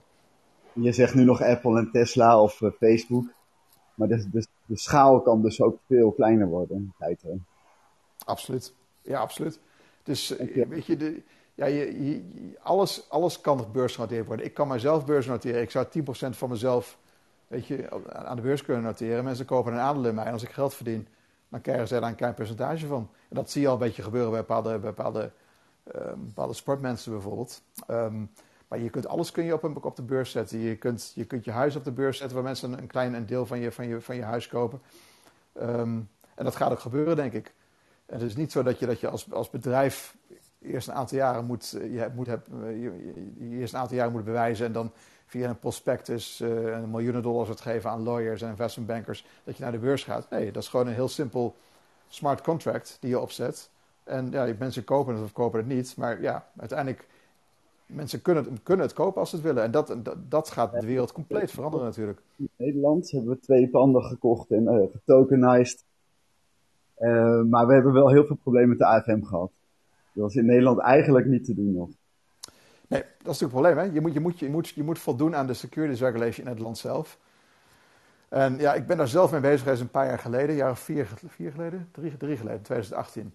Ben ik op Mauritius bezig geweest om te kijken of ik daar dingen op kon zetten met de overheid daar, omdat ze toch wat makkelijker waren met, met regelgeving. Maar ja, dan zie je toch dat als je daar dingen opzet, dus stel je zou securitization doen van, van noem maar wat, van, van onroerend goed in Nederland. En je laat via Mauritius lopen, dat, ja, mensen willen het toch niet, het, vinden het, te eng. Dus me, mensen verwachten al steeds dat de AFM ja, daarin mee, mee, kan praten, mee mag praten. Um, maar ja, dat gaat veranderen. Risicobereid, uh, risico, um, bereidheid om risico te nemen wordt groter, denk ik. En dat komt met name ook door de, door de crypto, uh, crypto mensen. Ik bedoel, een bedrijf als Binance dat geen echt hoofdkantoor heeft, waarbij niemand precies weet waar ze zitten. Nou ja, mensen stoppen er toch miljoenen dollars in. Um, of miljarden zelfs in totaal. Weet je, dat, is, dat, dat, dat had je tien jaar geleden niet kunnen bedenken. En dus de wereld verandert. Alleen dat duurt wat langer in landen zoals Nederland, waar de, waar de wetgevers gewoon een beetje achterlopen. Beantwoordt dit uh, jouw vragen, Robert? Ja, zeker. Dankjewel. Oké, okay, graag gedaan. Dan gaan we door. Ja, sorry, ik trok iemands podium op, maar die uh, ging er meteen weer uit. Even kijken hoor, want er zijn wat handjes omhoog. Raoul zie ik. Mijn naamgenoot. Mooi man.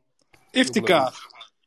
Goedenavond, Iftika. Hey, Stel je vraag. Goedenavond iedereen. Nou, dank Mark dat je tijd nam ons uh, uh, bij te spijkeren. Ik heb eigenlijk een heel simpele vraag. Ook met name wat je net vertelde. Dat jij een, uh, uitgenodigd was voor de centrale bank eh, van China. En het, dat je erachter kwam eigenlijk dat ze eigenlijk al heel erg eh, eh, voorop liepen. Maar is dat nou zo dat natuurlijk eh, de Amerikanen eh, hun positie van de dollar natuurlijk niet zomaar laten eh, eh, wegeten? Eh, en ik kan me voorstellen, er is natuurlijk al een eh, soort koude oorlog tussen China en Amerika en dan een stukje West erbij. Maar op het moment dat de positie van de dollar wordt aangetast door de nieuwe digitale munt van China, dan, dan, dan gaat dat, denk ik, dat effect toch wel hoog spelen. Hoe kijk je daar tegenaan? Ja, dat is, natuurlijk, dat is best wel een risico voor Amerika. En mensen waarschuwen in Amerika, dus de overheid er ook voor, dat, dat ze echt op moeten schieten. Omdat ja, China nu wel sneller gaat dan, dan Amerika. Maar het probleem in een democratie is dat je elke paar jaar een nieuwe president hebt en een nieuwe regering. Um, en waardoor dingen gewoon niet snel genoeg gaan. Amerika kan, kan, China kan een hele lange termijnvisie hebben, dat hebben ze ook. Ze kijken 10, 15 jaar vooruit en daar handelen ze naar. Amerika handelt twee, drie jaar vooruit, want dan zijn er nieuwe presidentsverkiezingen en dan komt er weer een, een, nieuw, een nieuw congres en een nieuwe senaat en ja, dan, kun je, dan, dan, lopen dingen niet door. Dus jij, Amerika gaat, gaat steeds verder achterlopen, denk ik, op, op dit gebied in China. Dus ja, wat gaat er gebeuren? Een aantal scenario's. Ik bedoel, kijk, het feit dat er een soort van koude oorlog ontstaat tussen, tussen China en Amerika komt deels hierdoor. China is gewoon, is gewoon al verder, denk ik, technologisch op heel, heel veel gebieden dan Amerika. Um, dus ja, dan, worden, dan wordt China in de media heel negatief afgeschreven. Terwijl ik vaak denk dat dat niet juist is. Um, we hoeven er nu niet op in te gaan, dat is, dat een politiek verhaal. Maar um, het andere is natuurlijk dat, dat dat ook een incentive geeft voor Amerika om misschien toch meer op, zich meer op Bitcoin te richten. Omdat het succes van Bitcoin inhoudt dat de Chinese central bank digital currency minder succesvol zal worden waarschijnlijk. Uh, sterker nog, je ziet dat China niet echt een voorstander is van Bitcoin. Um, en ja, dus het, het, zou voor Bitcoin iets, iets goed kunnen zijn. En daar is ook een interessante theorie over, die ik, ja, die, die heb ik jaren geleden wel eens gehoord, die geloofde ik toen niet. Toevallig wel Paul, die begon er een paar weken geleden over. Uh, die theorie is, dat ging over, het ging over, weet je, wie, wie is Satoshi Nakamoto? Nou goed, weet je, de, ja, er zijn verschillende namen die genoemd worden. Het zijn mensen die zeggen dat het zijn bepaalde groepen mensen. Maar ik heb ooit een keer een verhaal gehoord, dat, dat, daar geloof ik totaal niks van. Die, iemand zei van ja, het is een samenwerking van, van de, uh, de Amerikaanse NSA en, het, en, de, en de, de, de, de UK, uh, whatever, security, uh, hoe de security dienst ook mogen heten. Dus een samenwerking MI6, van, MI6 denk ik. Ja, in ieder geval de samenwerking tussen de UK en de, USA. Die dat samen, zeg maar, die samen, zeg maar, um, ja, in het geheim een soort van Bitcoin-protocol ontwikkeld hebben en dat gelanceerd hebben. En ik dacht, ja, dat is geloof. Weet je, dat, is, dat slaat helemaal nergens op. Dus daar niet over nagedacht. Maar het grappige is, Raoul Paul, die ik best wel hoog op zit, die begon daar een paar weken geleden over. En die zei van, ja, weet je, als je kijkt naar, naar Satoshi Nakamoto, die, die heeft in anderhalf, in, in, niet anderhalf jaar, die heeft in zeven, acht jaar tijd dat hij zeg maar online was, ook, voor, voor, ook voordat, hij, uh, um, voordat hij Bitcoin lanceerde, heeft hij nooit één keer iets persoonlijks beschreven over zichzelf. Niet één keer gezegd van ik ben ziek vandaag of van het is slecht weer of mooi weer of iets beschreven over politieke evenementen die belangrijk waren. Of nooit, niet één keer. En dat is voor een, voor een, voor een persoon is dat vrijwel onmogelijk. Je hebt altijd, als je, zeker als je dagelijks communiceert met mensen, niet als je gewoon in een chatgroep een keer wat zegt, maar als je dagelijks communiceert met mensen, op een bepaald moment ga je gewoon privé dingen bespreken van, weet je, ik ben ik heb morgen jarig of uh, ik ga op vakantie. Heeft hij nooit gedaan. Um, dat is een van de dingen die daar een rol spelen. Maar toen ben ik gaan nadenken van, weet je, stel nou, stel nou dat, dat het zo is. Stel nou dat de UK en, en, en Amerika dit samen bedacht hebben, dat ze het gelanceerd hebben. Um, en, de, en inderdaad daarna, na anderhalf jaar eruit gestapt zijn. Gezegd hebben van jongens, ik, ik hou ermee op, ik stop ermee. Um, dan hebben zij dus een miljoen, anderhalf miljoen bitcoins. En dat geeft dan ook aan dat zij er, er baat bij hebben dat Bitcoin gaat, gaat, uh, succesvol gaat worden. Want zij hebben dan zeg maar het nieuwe goud in handen. Zij kunnen in na een monetary reset, zijn zij in staat die, die reset te leiden. En te zeggen, jongens, vanaf nu is Bitcoin het nieuwe betaalmiddel. En ja, wij zijn degene die het grootste deel op onze balans hebben staan. En uh, jullie luisteren maar naar ons, want ja, wij zijn de nieuwe, de nieuwe leidinggevende in de wereld. Dus een beetje een far-fetched theory. Dus een beetje een theorie die, die heel ver ja, heel vreemd klinkt. Maar hoe meer ik erover nadenk, hoe meer ik denk van ja, er zou best wat in kunnen zitten. Weet je, het feit dat Satoshi nooit gevonden is. Het feit dat, we, dat, dat nog steeds niemand ja, ook niet op zijn sterfbed gezegd heeft van, ja, het was die en die. Of, ja, het, het zou kunnen. Het, eh, en eh, om terug te komen op je vraag, ja, China versus Amerika. Als dit waar is, nou ja, goed, dan maakt het Amerika helemaal niet uit of, of China een, een central bank digital currency heeft. Want er gaat een monetary reset komen. En dan zouden zij de, de, opnieuw de leidinggevende in de wereld kunnen worden. Geen idee of het waar Dat is, is een maar... interessant eh, Ja. idee, want dat betekent dat ze eigenlijk al triljoenen dollars in de, in de backup met de bitcoin hebben. Dus dan kunnen ze achteroverleunen. Precies. En nou ja, het, het, het zou kunnen. En we gaan, we gaan het zien. Dus eh, we, we- niemand weet het. Maar het is, het is in ieder geval een interessante theorie. Maar is En dat dat wel geeft- wenselijk, Mark? Dankjewel, Mark. Graag gedaan. Ja, nee, nee, het is niet wenselijk. Nee, Nee. dat niet. Nee, nee, nee, totaal niet. Nee, maar. het is- maar goed, ik, ik- laat ik het zo zeggen. Het is, zij- ik snap het vanuit hun, vanuit hun visie, snap ik het. Ja, ik zou het liever niet zien. En ja, ik, weet je, ik, ik wil sowieso niet weten wie Satoshi was. Ook al, weet je, het is, het is, het is, het is mooi dat niemand het weet. Eh, maar ja, als ik weet dat het, dat het, Amerika was, ja, dan eh, ja, zou ik, zou ik niet leuk vinden. Dat, dat zou een gevaar voor Bitcoin kunnen zijn. Daarom verwacht ik ook niet dat ze het ooit, gaan zullen, ooit zullen melden totdat Bitcoin echt leidinggevend is. Weet je, als Bitcoin miljoenen dollars waard is, ja, dan is, dan, dan is er geen risico meer, denk ik. Als het, als het een, een global currency geworden is. En ja, dan zeggen ze, nou luister eens, eh, het is een global currency. En ja, we hebben grappig genoeg een miljoen van deze, van deze bitcoins op onze, op onze balance sheet staan. Dank u wel. Ja, eh, to- goed verhaal, Mark. Ehm, we hebben Thomas op het podium. Thomas, goedenavond. Hey, goedenavond.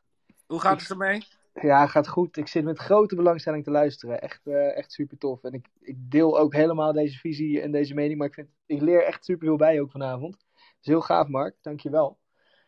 Ehm ja, ik wou er toch Zeker. even een vraag stellen. Want iets wat, wat, wat dan recent eh, nu speelt, waar ik van mening ben veranderd, is de ehm, betrouwbaarheid en geloofwaardigheid van Elon Musk in dit hele verhaal. Hoe denk jij daarover? Die is echt van zijn voetstuk gevallen, maar niet alleen omdat hij eventjes een, een tweet heeft gedaan over die Tesla. Maar ik denk dat gewoon, hij staat aan de verkeerde kant van het hele verhaal, denk ik. Denk je Ja, dat?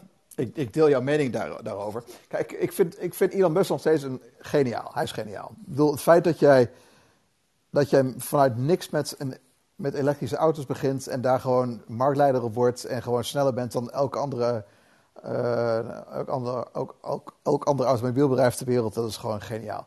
Het feit dat je auto's zelfrijdend zijn en dat niemand anders nog zo goed is als jij bent op dat gebied is geniaal. Het feit dat jij SpaceX begint en raketten niet alleen lanceert, maar ook weer terug, terug, terug laat keren op aarde.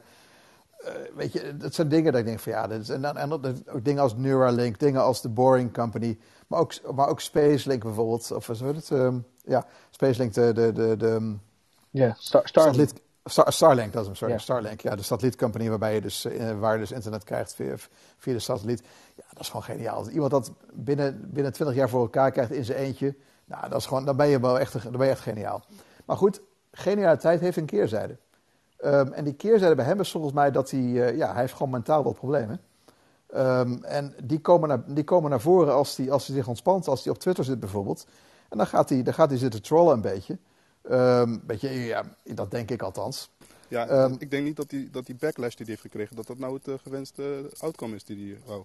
Nee, dat is absoluut niet. Dat absoluut niet. Maar de vraag is bij hem natuurlijk, weet je, waarom doet hij dit? Hè? Is, het, is, het, is het puur trolling? Of, is het, eh, of begrijpt hij Bitcoin gewoon niet? En ik, denk dat hij het gewoon niet volledig begrijpt. Ik denk, kijk, als je zoveel bedrijven tegelijk hebt. Ik heb zelf ook wel meerdere bedrijven, maar ik, ik ben veel minder druk dan hij is. Ik weet gewoon, ja, je, je moet echt elke minuut van je leven moet je plannen, want anders gebeurt het niet. En je gaat, je gaat nou maar geen uren per dag ga je aan bitcoin plannen, want daar heeft hij de tijd niet voor. Dus ik denk dat Elon in zijn hele leven misschien een keer 100 uur aan bitcoin besteed heeft. Maar Nee, dat is maar niet goed, voldoende. veel, mensen hebben, veel mensen hebben moeite daarmee, omdat hij natuurlijk ook eh, bij Pay- PayPal eh, betrokken was. En Maar ik, twijfel ook een beetje.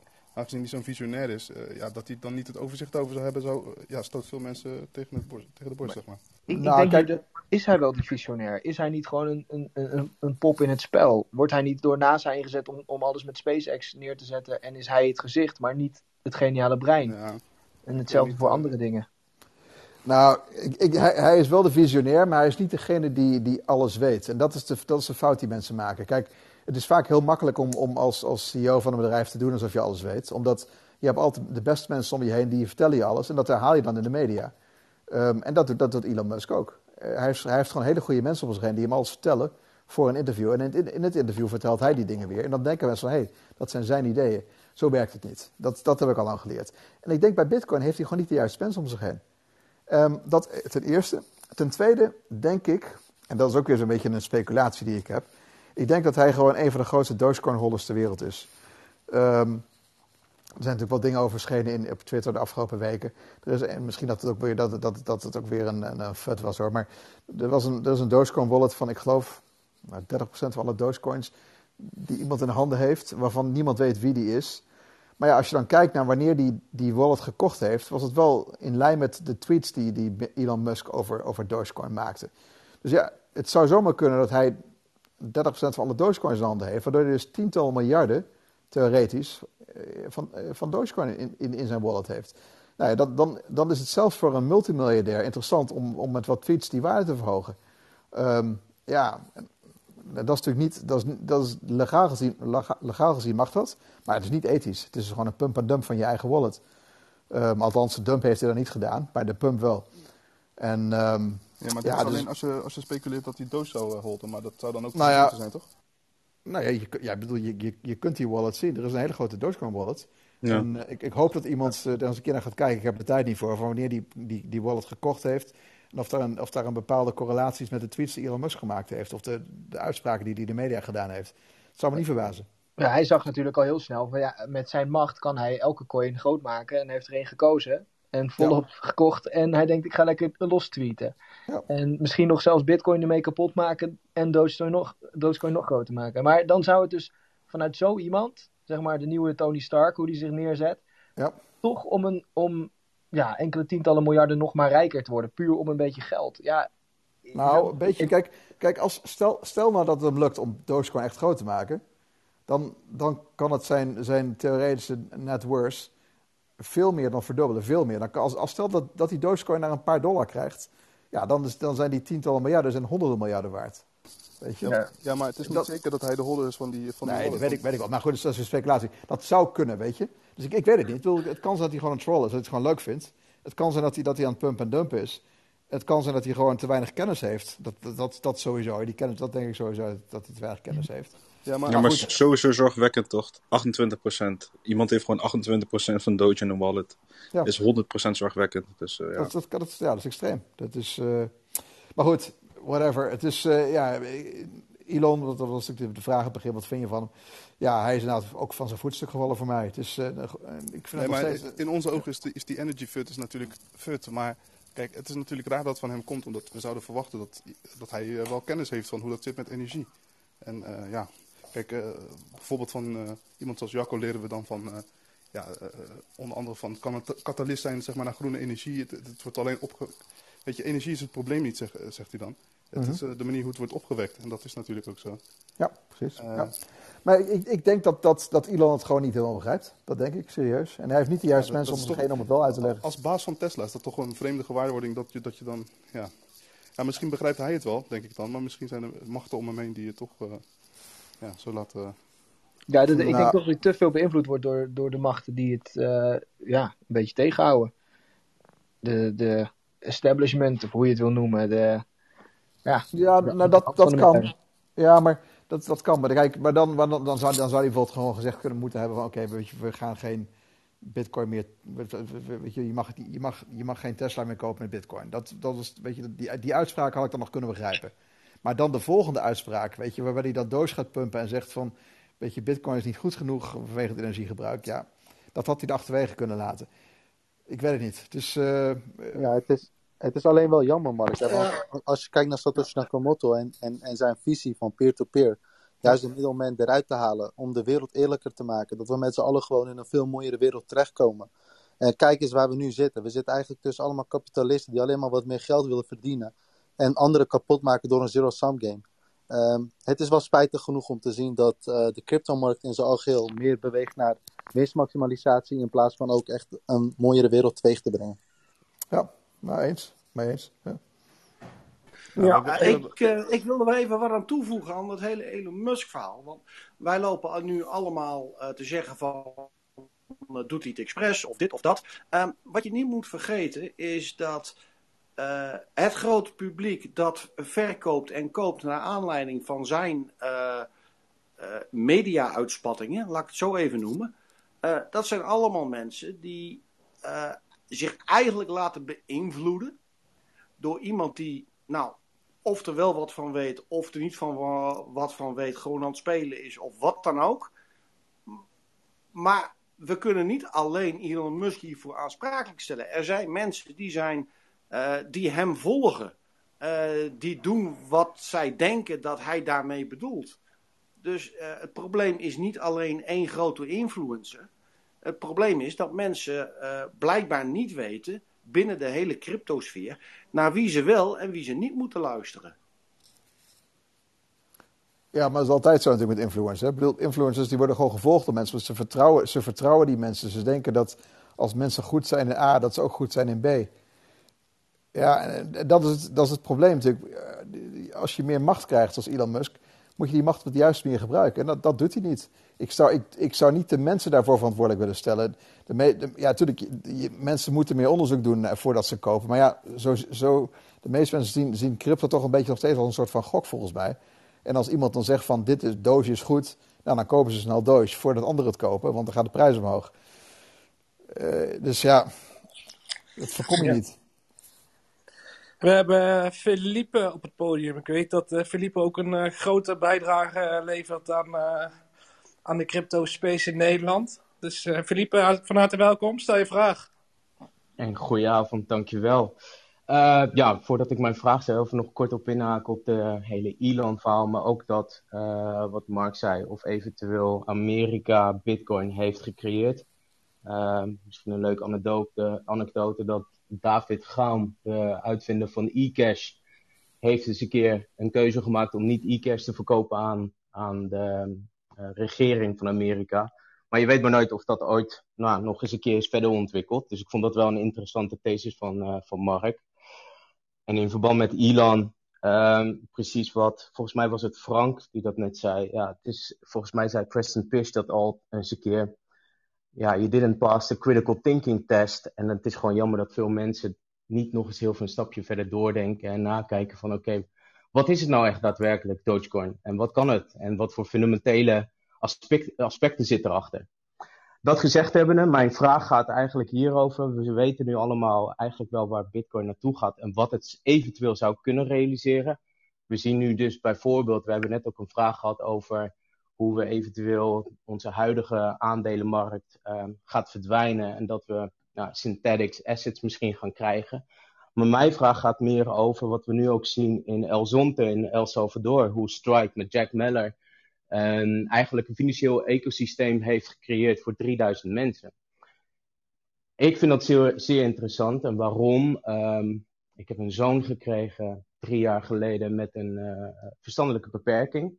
En een van onze doelen van mij en mijn vrouw is om uiteindelijk een stichting op te richten. Om zodoende kinderen, families te helpen in andere landen waarbij we niet een sociaal nou ja, vangnet hebben zoals we dat hier hebben in Nederland. En in mijn ogen speelt daar crypto en kan daar of gaat daar een grote rol in spelen. Alleen, ik heb nog steeds moeite mee. Wat voor rol kunnen we, kan Bitcoin daarin spelen? Is dat op basis van Taproot, wat we nu zien met smart contracts, of uiteindelijk, als we het zien ook met andere providers of andere protocollen, zoals Stacks en nou ja, gaan we zo door. Dus ik ben eigenlijk gewoon benieuwd aan een, uh, het is een vraag aan Mark, maar eigenlijk aan een, aan een ieder. Stel voor je zou een stichting op willen richten op basis van een protocol, op basis van uh, Bitcoin. Hoe zou je dat aanvliegen? En met welke partijen zou je daarmee in zee gaan? Ik heb eerlijk gezegd geen idee. Sorry. Nee, ja. ik heb nooit over nagedacht. Dus ik kan er best een keertje over nadenken, maar ik heb er zo geen antwoord op. Sorry. Geen enkel probleem. Daarom het is ook een uh, vraag die uh, niet vaak gesteld wordt. Maar het is een gedachtespinsel bij mij, omdat ik zie dat nou ja, de basis van uh, Bitcoin, hoe Satoshi Nakamoto, of dat nou één persoon of meerdere personen was, een digitaal financieel systeem waarbij je peer-to-peer -peer, met elkaar kunt um, geld uitwisselen. Zie ik het ook voor me dat je uiteindelijk een stichting kunt oprichten waarbij je de middelman, waarbij je de verschillende tussenpartijen eruit kunt halen en waarbij je dus echt effectief gelijk naar, naar de personen die het echt hard nodig hebben ehm, eventueel middelen of dan wel andere ehm, eh, facetten daar naartoe kunt sturen Dat, dat, kan je faciliteren. wel, dat kan je wel oplossen met, eh, met Lightning. Dan maak je een Lightning node. Eh, je, kan eventueel BTCP-server gebruiken. eh, dat mensen jou... eh, hij is weg. Oké. Maar eh, eh, dat, dat, je, dat, dat mensen kunnen doneren of zo. Ja, misschien dat we het er later nog een keer over eh, kunnen hebben. Philippe, we gaan het even laten zakken en dan komen we later nog Ja. een keer op terug, man. Interessante He- helemaal goed. Helemaal goed. Dankjewel iedereen. En we hebben nog een, nog een drie minuutjes. Ehm, ondertussen wil ik nog even een keertje de room resetten. Eh, klik even op het huisje, dan kom je bij, Bitcoin Nederland. Ehm, volg ons, dan krijg je een notificatie wanneer we weer een room hebben. Volg ook even de mensen op het podium. Ehm Nabil, heb je een korte vraag? Want we hebben nog maar een paar minuutjes. Jazeker. Eh goedenavond, eh, Mark en iedereen. Allereerst wil ik je bedanken dat je in deze groep bent. Mijn vraag is eigenlijk van, jij zit zelf natuurlijk in Bitcoin, heb je net verteld. Eh, raad jij zeg maar mensen aan om eh, op, voor lange termijn alleen maar in Bitcoin te zitten? Of eh, zeg jij van, eh, het is ook verstandig om je vermogen te verspreiden naar grotere altcoins of alleen maar bi- bij Bitcoin houden? Nou, het ligt een beetje aan je, wat, je, wat je ermee wilt doen. Hè? Kijk, ik denk dat je met bepaalde altcoins sneller veel geld kan verdienen dan Bitcoin. Maar er zit meer risico aan. Dus hoeveel risico wil je nemen? En wat is je, wat is je langetermijn horizon? Als je zeg maar zegt van nou, ik, ik wil het als een pensioen hebben, dan zeg ik van stop het in Bitcoin. Want het risico van Bitcoin is gewoon lager dan van alle andere coins. Ehm, ik denk dat, dat, als je, dat als je, als je zeg maar je geld meer dan 10, 15 jaar wil bewaren, stop het in Bitcoin. Zet er een timelock op of wat dan ook. In ieder geval iets, zorg ervoor dat je niet meteen bij kan als het een keer gaat crashen. En ja, ik denk over 10 tot 15 jaar is het zoveel waard dat je, dat je gewoon, ja, kun je veel eerder met pensioen, zeg maar. Ehm, als je een kortere horizon hebt, als je zegt van het komende jaar, dan zou het best kunnen dat Ethereum het veel beter doet dan, eh, dan, dan Bitcoin. Of dat, dat bepaalde altcoins, DeFi-altcoins, het veel beter doen. Ehm, waarschijnlijk zelfs over de komende twee, drie jaar. Alleen de vraag is wel, hoe ziet het er over tien jaar uit? Ik denk dat Ethereum het over tien jaar nog steeds wel goed doet. Ik denk dat het een hele goed, goed alternatief is. Maar er zit een groot risico aan. Ehm, Ethereum is meer gecentraliseerd. Het is proof of stake. Het kan als aangevallen worden makkelijker.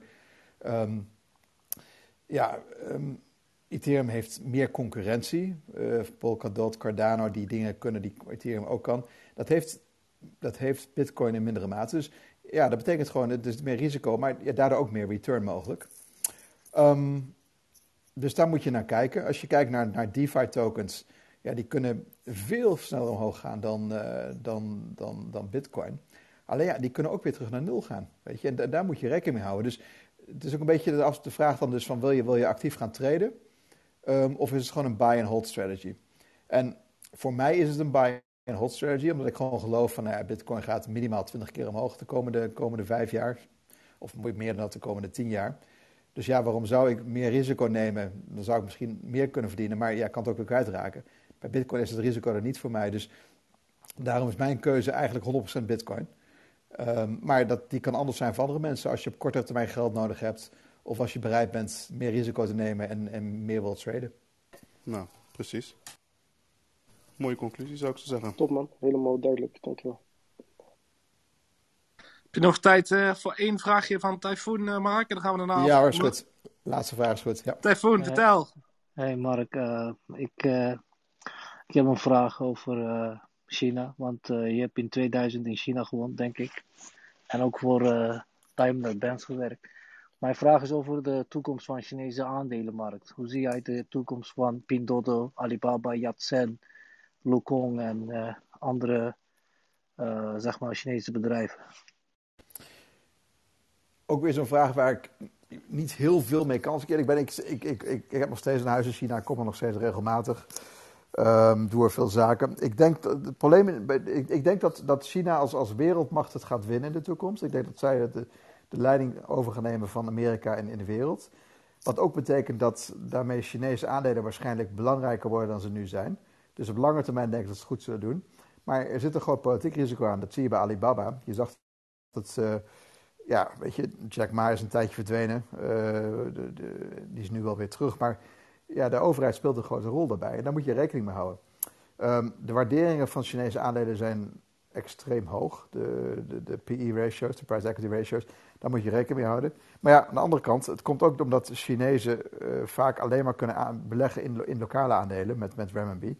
Eh, ze kunnen dus niet omwisselen voor, voor dollars en dus buiten, buiten China beleggen, waardoor die ratios omhoog gaan. Dus ja, zoals, vooralsnog zou ik zeggen dat eh, ik, ik, ik denk dat Chinese aandelen het goed gaan doen de komende tijd. Blijven, goed blijven doen. Zeker gezien het feit dat China ook continu geld blijft doordrukken. Maar ja, op lange termijn geen idee. Weet je, het kan ook helemaal omvallen. Ehm, en daarom zit ik in Bitcoin. Dankjewel, bedankt. Graag gedaan. Oké. Ja, dan ehm, zijn we bij eh, deze aan het eind gekomen van eh, eh, de eerste Bitcoin Nederland sessie met een, eh, met een gast. Mark, super bedankt dat je er was. super. Graag gedaan, vond het leuk. Dus, ik, eh, eh, ik hoop dat je nog een keer, eh, dat- je nog een keer terugkomt. ik ga het proberen. Het is altijd gedurende de, de dag bij mij, dus wat lastiger dan, eh, dan de avond hier Ja. Maar dat, is, eh, ja. ja. Snap ik. La- laten we leuk om erbij contact te zijn. houden, Mark. Als, eh, als er weer ontwikkelingen zijn over een paar maandjes, dan eh, berichten we nog even. Uitstekend. Leuk. Yes, dankjewel, Mark. Bedankt. man. Bedankt. Jojo. Iedereen eh, bedankt voor het luisteren. Ehm, als goed